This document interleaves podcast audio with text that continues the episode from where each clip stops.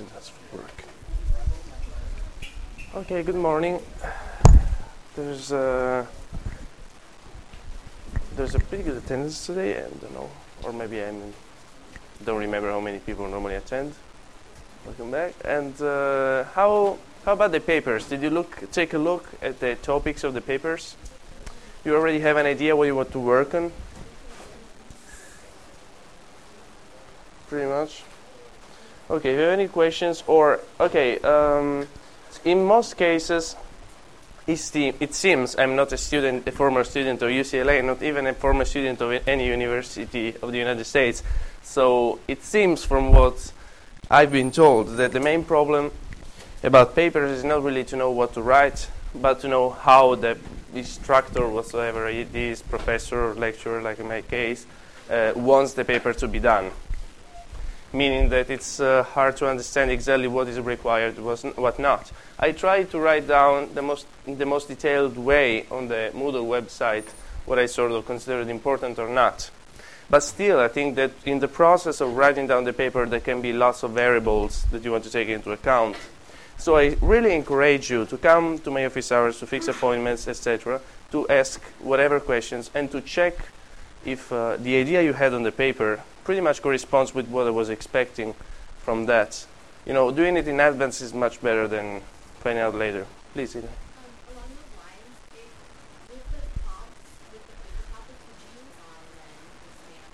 Mm-hmm. Well, yes, I would definitely uh, appreciate if you pick and choose in a rational way, of course, in a critical way. You declare that in the introduction and you say, this is the point I want to expand on. I will say further that uh, I, I, prefer that you build up the paper, as I said last time, uh, around paper one. If you build up a paper around the topic, around the points that you are trying uh, to, to demonstrate, and uh, those who did it, who uh, give, gave this sort of structure to their, to their paper were very successful in paper one, from my viewpoint at least, you know. Um, the thing is, you want to write down an introduction in which you tell me what you are going to do, what point you're going to try to demonstrate and to address. Then uh, you, ju- you already give me, this is the standard form of any essay. In France, for instance, I, am told they're very obsessed with the structure of an essay, as they call it. So it must be very well structured. And I'm not so rigid, but it cer- certainly helps if you if you give a structure to it. So in the introduction, you say what question you are asking, all right? What issues you are addressing, in which order you will make the demonstration follow, and then you follow this order in the development of the paper. In the conclusion, in the conclusion, you go again over the same things basically, but it mustn't be a clone of the introduction. You say, in the introduction, you basically say, I tried to demonstrate this point by addressing this and this evidence. In the conclusion, you said, we demonstrated this point, and you sort of try, it's not about me, it's about any paper. This is how I wrote my dissertation and my MA, MA thesis. In the conclusion, you want to give uh, the reader an idea, an impression that you achieved your goals you really want to convince him that you did. Certainly, you should have done it already, but uh, there's also a rhetorical aspect in, in it. So you say, We've been trying to demonstrate this point, and this evidence um, strengthened my point in this sense, etc. That would be the best option. You're saying picking and choosing, that's, that's okay if it's done that way. A way that shows me that you're focusing and not just, you know, um, forgetting something. Um, and definitely, if you want to come in person to show me a prompt and outline, it's even better than email me. Because I, I know I'm talkative, I know it takes long. Those who came to the office hours lost a half of the afternoon. but uh, I think it's always better to have a direct feedback. Any other questions? Okay. Um, so we finished Plautus. We finished. We basically finished to read uh, to, to read at home the Braggart Soldier in translation. Um, do you have do you have yourselves any questions or any points that interested you in particular that you want us to go over in addressing the text? Yeah, please. How much do these characters um, represent real values of the Romans? Like, for instance, the um, military persona that the braggart takes. Mm-hmm is he exemplify? Or is, is he kind of a caricature of typical military values, what they value? Um, Mm. Just is it like the opposite of that, or what's That's a very, very interesting question to me. We've been saying that the Greek, uh, well, this is a general issue about any form of uh, culture. I mean, especially in Los Angeles, it's evident that there is no culture which is, which is not a result of an integration, of a communication, of importing other cultures. The Roman culture, which we tend to think is this monolithic block of Roman values, gladiators, the consuls, the em- empire, power, etc., is actually a very a culture that, uh, although conce- it conceives itself as a unique and very self-conscious culture, is drawing consciously very much from the Greek culture, for instance. And the, as we, we've seen it through the gladiatorial games, through the Greek athletics, and uh, the chariot races and all these things. And now we see it very clearly in this comedy, which is a translation. Now, the first answer to your question is this soldier is, has not been invented by Plautus it's a Greek soldier somehow. It's a Hellenistic soldier either. Uh, this is the translation of a new Greek comedy, of a, of a comedy belonging to the genre of a new Greek comedy. How, by the way, um, how do we know that he's a Hellenistic soldier? He belongs to the Hellenistic era. It's pretty evident in the text. I'm pretty curious. Nothing. Yes, I wrote down a couple of notes about this text while I was reading it. I find that there is a, a path that he's following. He often quotes kings. He says that he's giving his service to whom? His mercenaries. He's collecting mercenaries to give them to help a king. Do you remember who he is? Seleucus, so Syria, the king of Syria. Well, he, they're in Ephesus. Ephesus is uh, in Asia Minor, so if I get to make this work. Okay, they are here basically. So this is modern Turkey. So Syria is over here. So they belong to this sphere of influence. Um, and he also quotes the gold, gold um, mm, coins that in your translation they are just called talents or golden coins, but in Latin they're called philippos, philippos, that is uh, Philip's coins. So there is continuous reference to a precise historical. Now, your question is interesting. Why? In Greek, it used to be a caricature. In Roman, in Rome, it's a caricature as well. But the difference is that you are importing from a culture, from a different culture, a, a caricature, a caricatural character that touches a crucial point of Roman mentality and of Roman values, the martial values. The martial values used to be very important in Greek archaic culture in the period of the city-state. But when, it, but when after Alexander the Great in Greece, we have uh, the Hellenistic kingdoms, and so the power is concentrated in the hands of a king. This value of, uh, of patriotism from every single sol- citizen who's also a soldier, as it used to be in the, in the Greek city-state, is weakened. And so basically, we have in the new comedy, we or in like in uh, Hellenistic literature, we don't have the topic of patriotism the same way we used to have it in archaic Greek literature, where every citizen was a soldier and used to fight for his city state. Therefore, you are importing something which can be considered pretty harmless in Greek, a parody of militarism, and we import it in Rome. This is a good question to ask. I think that uh, the whole idea comes from Greece, but uh, and so it's not a willing parody of, uh, of militarism. Plautus, in general, is a pretty conservative author, as often the satirists and comedians sometimes tend to be because they are uh, often like Juvenal is often angry against the most evident aspect of contemporary corrupt culture. Um, I don't think he's satirizing Rome. Well, as, as I'm saying, how can you avoid this risk? Let's try to answer this question. As you see, this is problematic, and I'm basically thinking of it. It's more complex than I can answer in a couple of questions. How does he avoid the risk to make of this soldier a mocking, a caricature of the Roman city soldier? First of all, he's Greek. He's clearly Greek. He serves Seleucus, etc. Also, I'm thinking of something else. Now, uh, ideas come up to my mind. What do you think? Well, he's not a citizen soldier. He's not offering his service to Ephesus, to his city, but to whom, as I said before? He's collecting merchants, mercenaries and offering them to kings, to foreign kings, basically, to somebody else. So there is a reference to mercenaries. Also, he's a caricatural figure. He's evidently exaggerating everything he does. And uh, no, in general, I don't, I don't read a revolutionary aspect in it at all. Mm. Uh, yes. He basically is gonna. Um, Jeffrey, you want to? Um, Yes.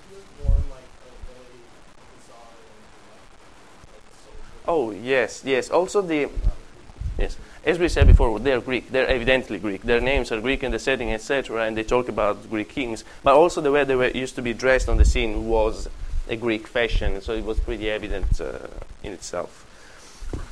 Um, I I'd like to start off the, our discourse again. Start if there are if there are any yeah. Hi, please. Mm-hmm.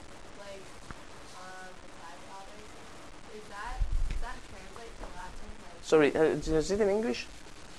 How is it in English again, Father? Uh, verse? Remember. 121?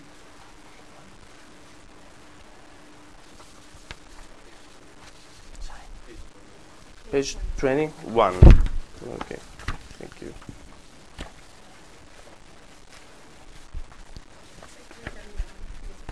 Okay, 370, three- 91. No, 371 is what you say? Okay. hmm I have his head by Pollux, 371. It's right there. Sweater says um, my. Ah, my ancestor all ended there. Ah, okay, yes. Mm-hmm. Five fathers. I don't remember the Latin in this moment.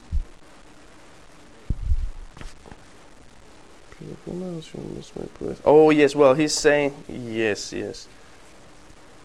I should see the Latin for this. I should go to the internet a second. I think he's basically saying that all his ancestors died on the cross because he's a slave since innumerable generations. But you're asking about five fathers. I should look at it, look it up in Latin. Okay, because they do it again.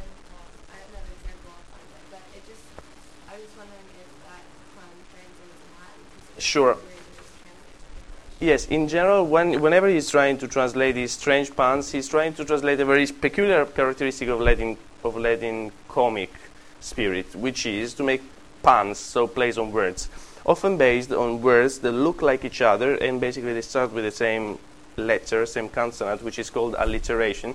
And so this is something like a series of sounds of words that start with the same sound that look like each other.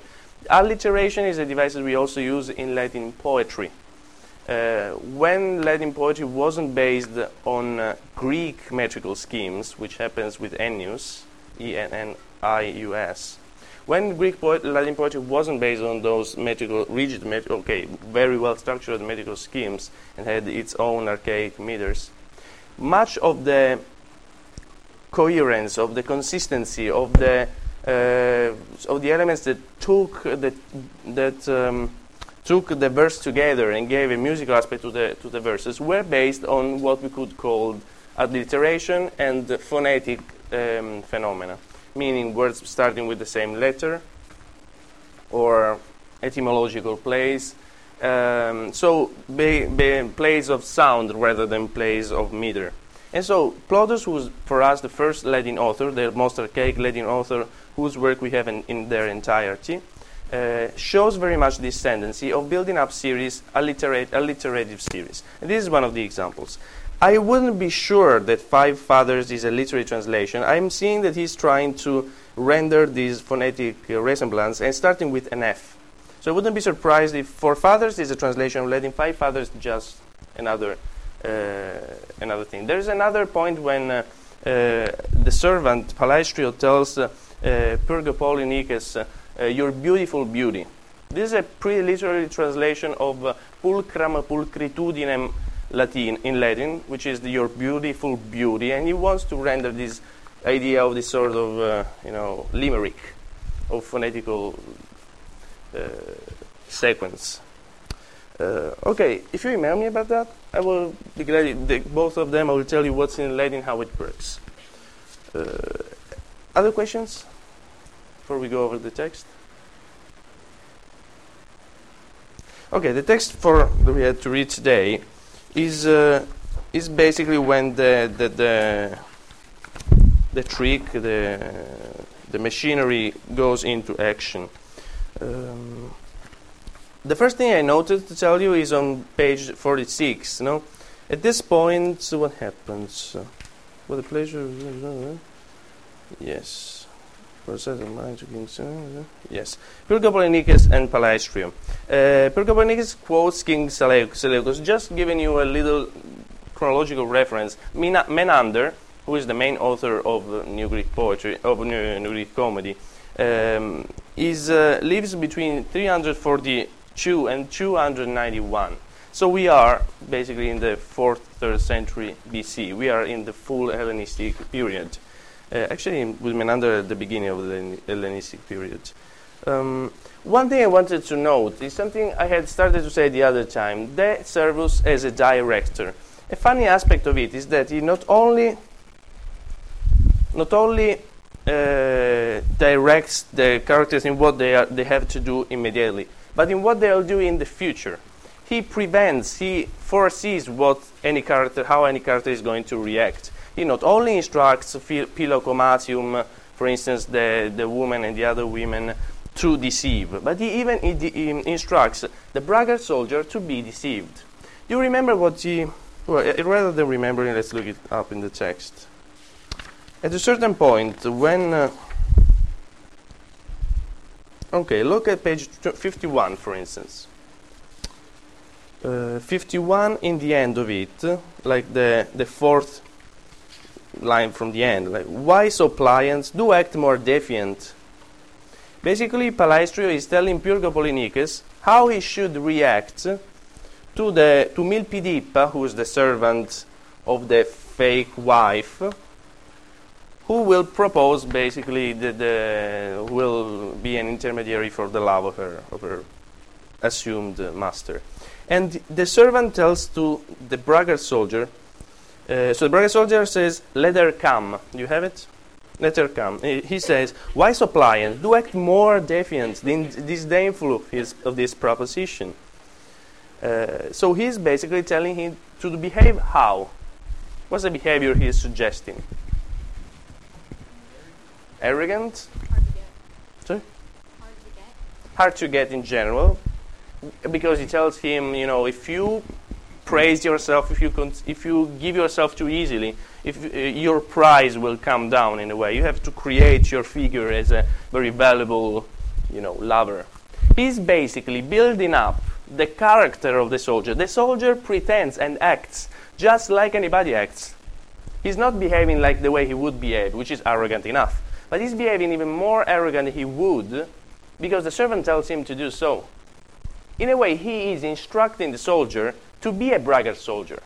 If you consider this form of braggart soldier as a sort of caricatural character, he is himself in the play because of his character, because in the play it's how he's born. But he's actually more so and more caricatural and excessive because the servant is instructing him, I, uh, is instructing him to be the way the servant thinks.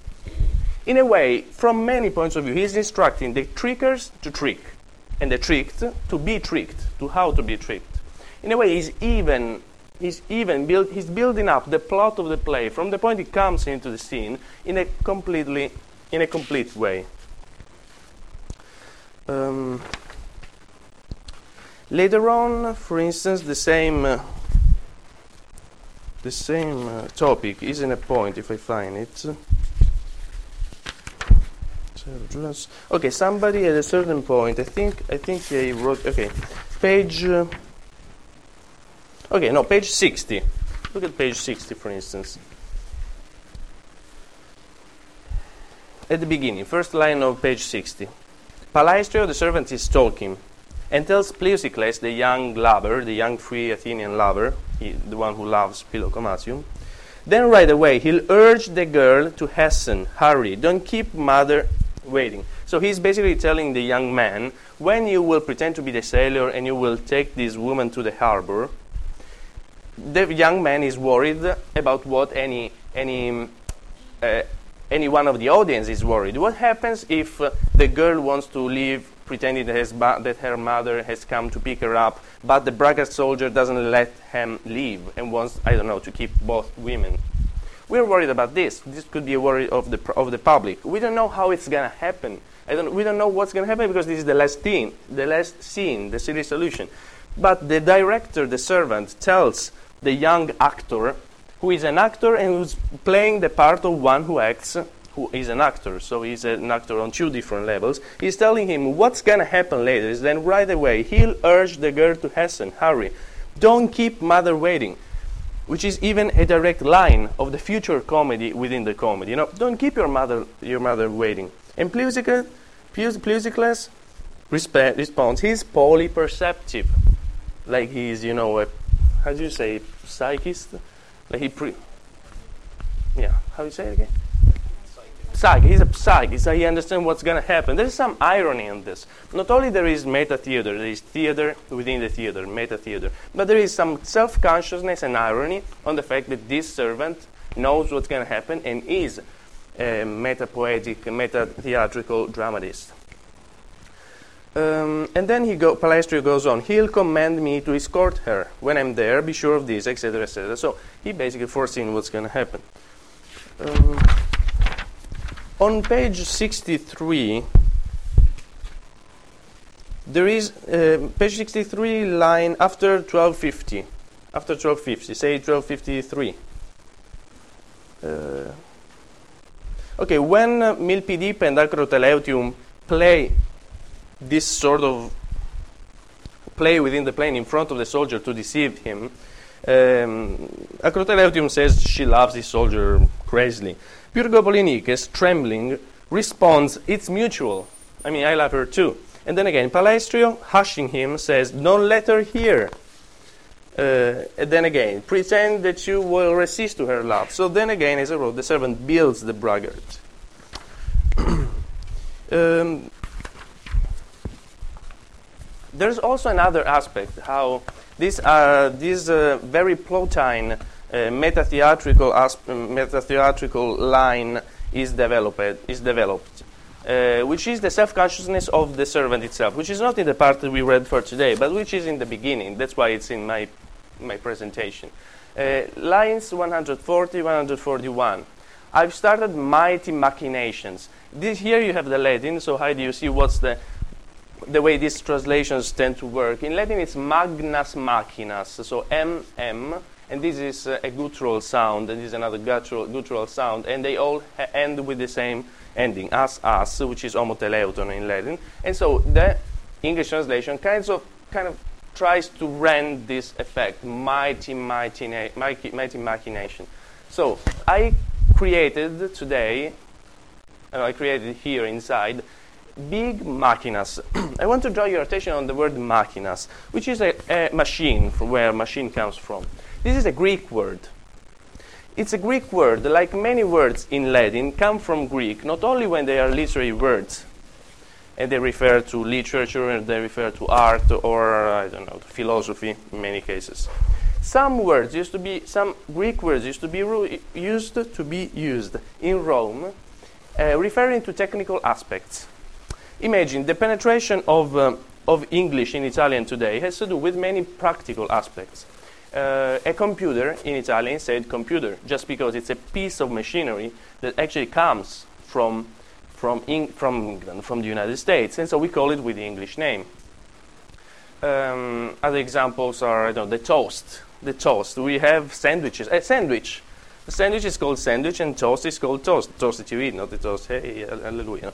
So uh, the, these things, these physical objects that come from a certi- certain technological, cultural area, retain their names. Now, surprisingly enough, in Rome, in Latin, many Greek words actually belong to technical speech.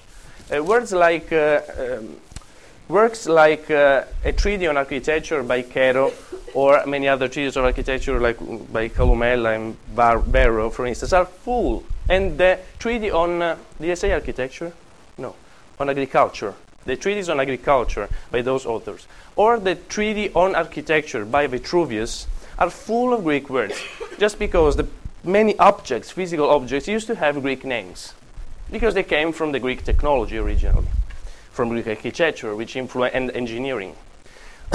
now, machinas is a Greek word of this sort. It basically it was used technically to use those machinery that were used on the stage to say make a god appear coming with a rope from from above. You, this is a classical theater in entering of a, god, of a god. This was used in, late, in Greek comedy and tragedy, which was more elaborated than the Roman one by, by, by the time of Plautus. Uh, it was used for so many things. The machinae are also the military machines. They are every sort of uh, physical device that, uh, I don't know, is somehow elaborate technology with ropes and with something, I don't know, like when you, a catapult is a machina. Do you have catapult in English? Okay, so it is a, it's a bellica machina. So when he talk, he's talking about machinas, he's being metaphorical. He's saying, I create machineries, not machines. But the word is the same word that you would use for the actual theatrical machine. So when he said that he's creating machinas, he's referring and hinting to a technical word, a Greek word, a technical word of theater. So he's basically declaring himself to be uh, not only a dramatist, but one of the people who work in the behind to create these ropes, etc., to make the gods come down, etc. I personally find, although I'm not very sure about this, but this is interesting enough to note. In verse 148, he's again cel- self celebrating himself for being such a great inventor of tricks. And he's saying, with our artful artifice, transla- English translation of doctis dolis, and wily ways, then again, wily ways, facetis fabricis et doctis dolis, F, F, D, D. So the English translation goes artful artifice and wily ways. Will coat fellow's eyeballs with so thick a glaze, will make him sure he doesn't see what's, what's really there. Uh, don't you be fooled, one girl today will play a pair. You remember when, at the beginning of the play, the first servant uh, I don't remember his, his name now. He's, uh, had seen Philocomasium kissing he, her lover. What's his Sceledrus. Uh, he has seen it. So this is reality in the play, you know. But the servant will start off the whole machinery just to pretend that the servant hasn't seen what is seen. So the servant has seen her twin instead. Do you remember that? Now, it's pretty simple actually. He, they just want not, don't want to be accused. But the way he presents it goes forever, insisting on a, on a specific point that the servant has seen what he hasn't seen, and he, ha- he hasn't seen what he actually has seen. Which is, he is insisting, quite consciously, in my opinion, on the contradiction between, on the duality between reality and fiction. You know? What is actually seen is not true, and, what, and the other way around. So uh, I think that from this point of view as well, there is some sort of play and reflection on the, the drama which is happening on the scene, within the scene, so the meta theatrical piece, and some sort of reflection about the power of art which makes real what's unreal and unreal what's real. And uh, I find myself, for instance, that this doctis dolis, although um, it, this point is a little stretched, honestly, because doctus is the word from which doc, um, doc, uh, philosophy, doctor, PhD, doctor, the doctor, the medicine doctor, doc, um, doctoral degree, you know, it, doctrine. So it basically means learning. But in archaic Latin, it used to be used to mean basically skillful as well, and so good in general. Um, and our, uh, a craft, uh, a craftsman can be doctus as well he knows to do his work. I still think that these doctis dolis are a specific, uh, are an adjective which can be applied both to a skillful servant who invents trick and to a good, learned um, uh, dramatician. So I think that doctis dolis, so wily ways, uh, is, is also another, another self-reference to this meta-theatrical play which is going on. Um, yes, there is a play on reality and fiction, and there is a play on identity, which is the persona. Is the you see, you've seen this already in uh, Duckworth. A characteristic of uh, Plautus's mm, dramas is that reduplicating of characters. Do you remember this? Reduplication of characters. Who remembers this paragraph? would, would you please expose it briefly? Well, there's a question about whether or not the therapist says that they must have and one of the masks, but they have losing size of the groups. Mm-hmm. And so it's unlikely that they would have um, people when they come in a sort of cycling group. Mm-hmm. It's just a matter of changing the mask behind the scenes, and that's very possible. Exactly, because the troops were not very extended. So there is a first aspect of this question, which is the practical one. How many actors able to act they used to have? Because if you have some characters which stay on the scene and don't talk, you just take whatever young actor who's learning to do it, whatever servant, you put him a mask, you dress him up, and he stands there, looks. It's the matter is how many characters are, are actually acting on the scene and talking. And these tend to be never more than four. And I wrote down in this piece, if we have, if we have some more time, we'll go over the most, we'll go together, if, I, if we may, over the most crowded scenes and count how many characters are, are actually speaking. Who are they? But we will do it later. The First aspect, how many actors do, do I actually have? The Dominus Gregis, the master of the troupe, how many actors he has to employ. Second aspect, since they know and sort of sense that the, the, the whole play, the whole drama is about impersonating people, there's often within the play, there are characters which are reduplicated in a different way. There is a whole comedy which is called The, the Brothers Menaechmus, which is the next one in your, com- in your photocopies. In Latin, Menaechmi, plural. It means that there are two brothers Menaechmus. It's the so-called one, a so-called comedy of uh, misunderstandings. There are two people that are actually one, or maybe there are two, and there's actually in that case there are two, but they believe to be one, and so there's lots of confusion because of those twins, people who look the same way. In our comedy, there is a reduplication within the play, which is what? The twins. There's one twin, but we pretend that they are two twins, so it's the other way around. And this is done in a theatrical way, because the first, okay, the first Philocomasium, the only Philocomasium, is impersonating her sister, Justa, which is an ironic name. Justa means just, right, you know, honest, which, is, which she's not. I mean, she's pretended to be honest because she's free, because she's coming from Athens, but she's obviously uh, part of a trickery, so it's ironic, an ironic name. So, I think that there is a meta theatrical play on impersonation as well. So, on the fact that uh, using the same mask for another for another character in actual practices of drama would actually create a new character. And the same way, the same thing happens on the scene, where just pretending that another woman, that the same woman is another woman, creates a new persona, a new character. Um, vision, fiction, and reality. All those aspects, and this is the point we want to make, are apparently, as far as, as we know, have been invented, introduced, developed to such an extent by Plautus himself. So we have to imagine a situation where the plot, the characters, the main characters, are Greek, but their development, their development, some scenes and some metaphors, and which are applied, and some games like these, some linguistic allusions, are actually Roman, introduced by by, by Plautus. In other words, he's taking a drama which probably was based on more which is the greek original which was based on moral reflections on love on status which was uh, based on this mocking of this soldier and transforms it in a play which is remembered not only for this braggart soldier so for this sort of bombastic uh, figure which is so which will have so much fortune in, in, in western theater but which is remembered by us for, uh, for the servus in particular, for the servant, for Palaestrio, who is this dramatist within the scene. So this is an example of how you can take a work,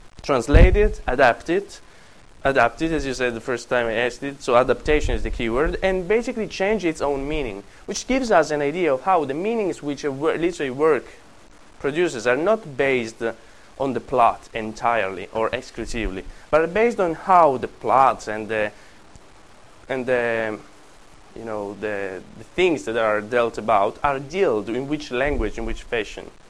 Um, an example of a couple of those things is in the passages we have read. For instance the a whole layer of uh, of, com- of comic effect is created by the language itself and by the metaphors which are applied, and so we know it.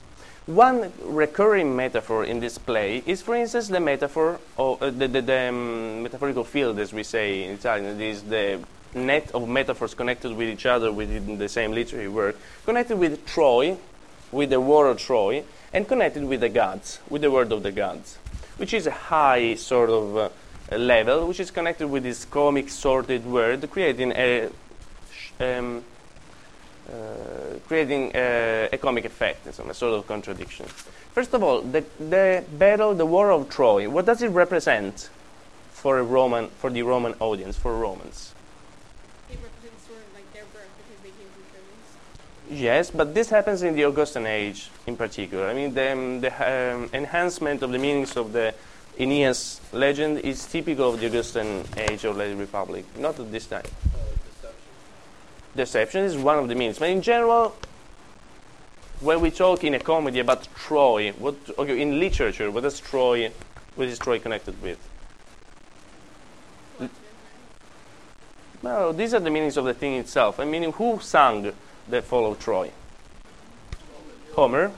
And so, literally, within a literary work, referring to Achilles, referring to the fall of Troy, refers to which literary genre?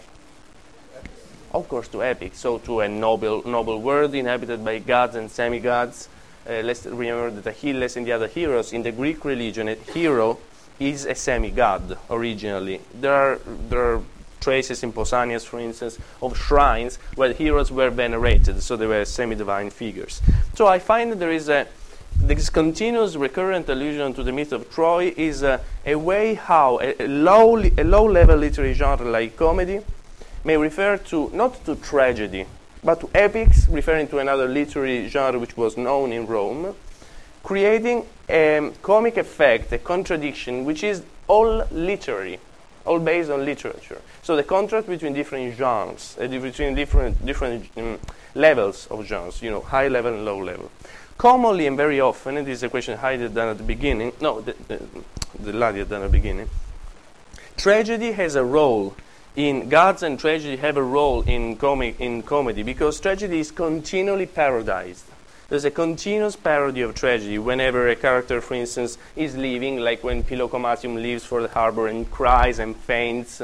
Um, the, many of these passages have been shown by the, by the scholars to be direct imitations of Greek, or imitation parodies of Greek tragedy. Point is that we know we have Greek, many Greek tragedies, we have many tragic scenes which, ca- which we can directly uh, compare to uh, to the Latin to the Latin pieces, and so we can really tell this tragic uh, it, a tragic um, uh, Uh, parody. In the case of Troy, like for instance in page 20, 51, for instance, to talk about the, the actual text and make a real example. First of all, do we remember? I think that in general we can say that in this in this comedy the main parodized genre is not so much tragedy but epics. First element of epic in this in this comedy is what? Was the epic clear element in this comedy? Gods are very frequent, as we said, and they're all connected with which character? By the way, with the soldier, with Pyrgopolinices, because he says he's a son of a, of a god uh, or a nephew or step nephew. He says he has all sort of connections with Venus, with Mars, etc. He himself is a soldier. What does it mean? He is a soldier. He is a semi god because he is a hero. So he is basically the living caricature of an epic character. In verses, his own name, Pyrgopolinices, the introduction told you. What does it mean? Pyrgopolinices.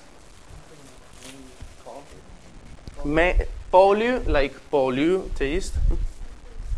Sackers of many cities, because Pyrgo is like the, the, the citadel, the city. Polio, like polytheist, is many. Uh, Nikes is Nike, is victory. So the one who sacks, who sacks, who sacks, who wins many cities, uh, who conquers many cities. Uh, this first element refers to a hero, heroic character. The citadel par excellence in Greek, in Rome, which is conquered, is which citadel? The big sacking was Troy, and in fact, often, uh, like in like in page 21, when there's this asterisk and Mil- the, when Milphidippa speaks the first time, what shall I do? She's asking again the dramatist, she's, she's asking the servant how they will win over the soldier. What shall I do? What's your method for storming our Troy here? Can you give me a plan? Etc. There is this common recurrent uh, reference to Troy.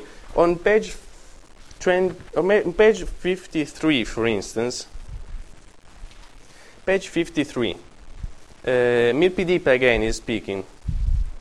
Uh, what's this she's dying now?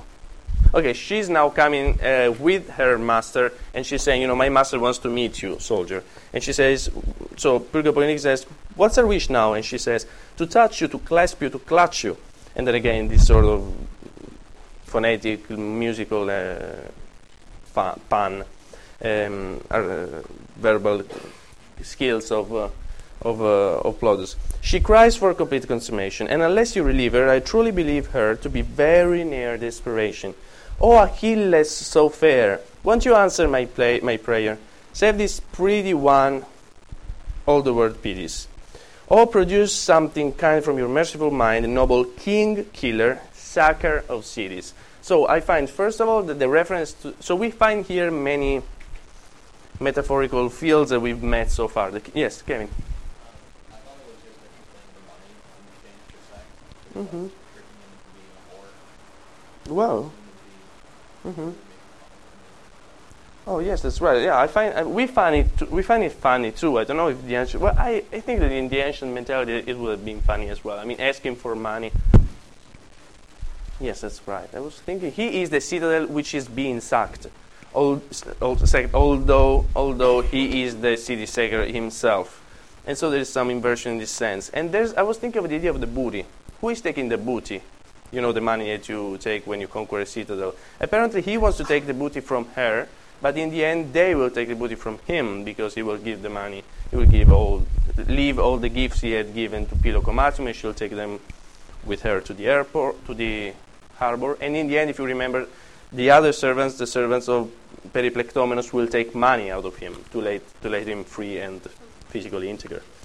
And uh, well, also another thing that he is quoting is uh, king killer. You king the ki- you kill the kings. Now, my personal idea would have been that uh, he's been often he's, he's been often mm, referring to the royal word, and in this case, he is a killer of kings. But there is then since in this passage passage he's quoting Achilles and he's talking of uh, a general uh, sacking of the cities. I think that the, the metaphor of Troy is recurring here as well, which is activated by Achilles. He is an Achilles that is someone who fought in, in Troy. And I think that killing a king is uh, what Achilles' song um, Pyrrhus has done when he killed Priamos, the king of Troy, as well. Um, I don't know, this is my personal reading of this passage.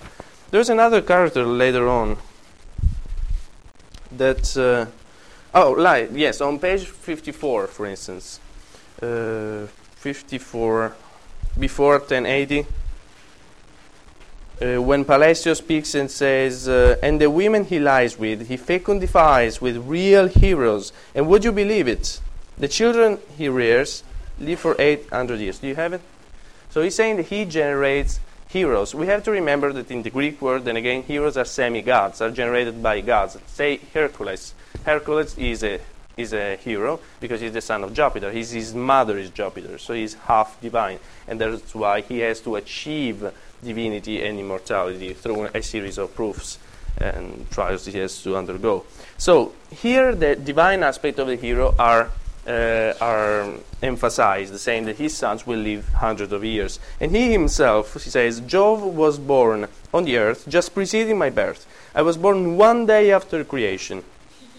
He says, he would be in the. He- oh, okay, and Palaestrio responds, and what is more, because then again, he and the adulator, the flatterer, flatterer at the beginning of the play, they are creating the soldier. They are basically blowing up this, uh, this uh, hot water, hot air balloon, even even bigger than he would be himself. And he, they are creating these exaggerated figures, saying, adding something more. And what is more, Had he, had, had he been born before, he would be in the heavens now, reigning. If he was born one day before, he would be in the place of Jupiter. So, my point is in general that uh, there is a unique connection between epics, heroes, and gods, which are recurrently connected with him, and kings as well, which I think to be connected with the Hellenistic conception of the god king, and I also think in the specific passage to be connected with Priamus, which is the king of Troy meaning that through all these means that could be present in the Greek text, we do not know. But we could imagine that those elements have been added by Plautus, and it's pretty easy. Well, all these are elements of a reworking of the play, which creates new meanings and the new comic effect, which is based on words and which is based on metaphors, not on the plot. It's based on a continuous. Uh, I, am thinking of this word Okay, whenever there is a, whenever two electric cables touch each other, there's a short circuit. How do you say, short circuit? Okay, well, there's a short circuit between different genres that create a comic effect, and this is all, uh, this is all something that uh, works on a literary basis, not on the on the on the level of, of plots. Um, I will talk about uh, going back for a second to the going back to nothing. Okay. Okay, there's just a passage very shortly. It's pretty late. 20, 57. Let's think, let's think before going. 57, right after 1830, before 1840, when uh, Palaestrio has this long speech and says, uh, and I will short it up, it says, My luck is coming through for me at every turn. For just the ones I wanted most of all to see, I see coming together from the house next door. He's saying, My luck is helping me because in this moment of the plot, I would need those people to show up. It is actually what's happening. Those characters are showing up.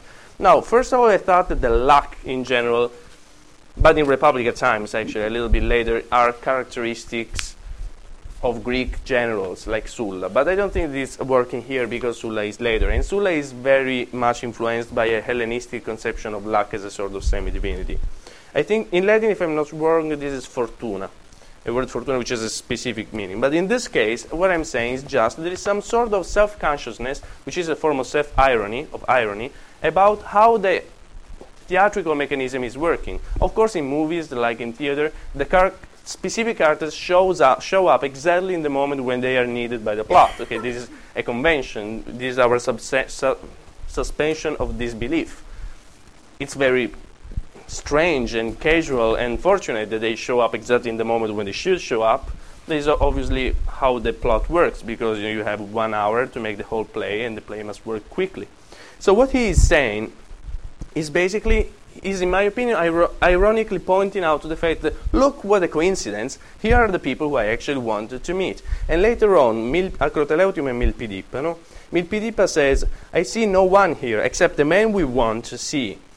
And then Palaestrio says, well, well, met, well met. And Milphidippa says, well, how are you doing, architect? So I think there is a conscious reference to the role of uh, Palaestrio as the architect of what's going on around him. okay, I will encourage you to look at this play again. This is, I think, a good way, a good topic to write to write the paper to, and raise questions that you have around uh, about the play, and talk about them at the start of next lecture. Thank you. At the beginning of next lecture.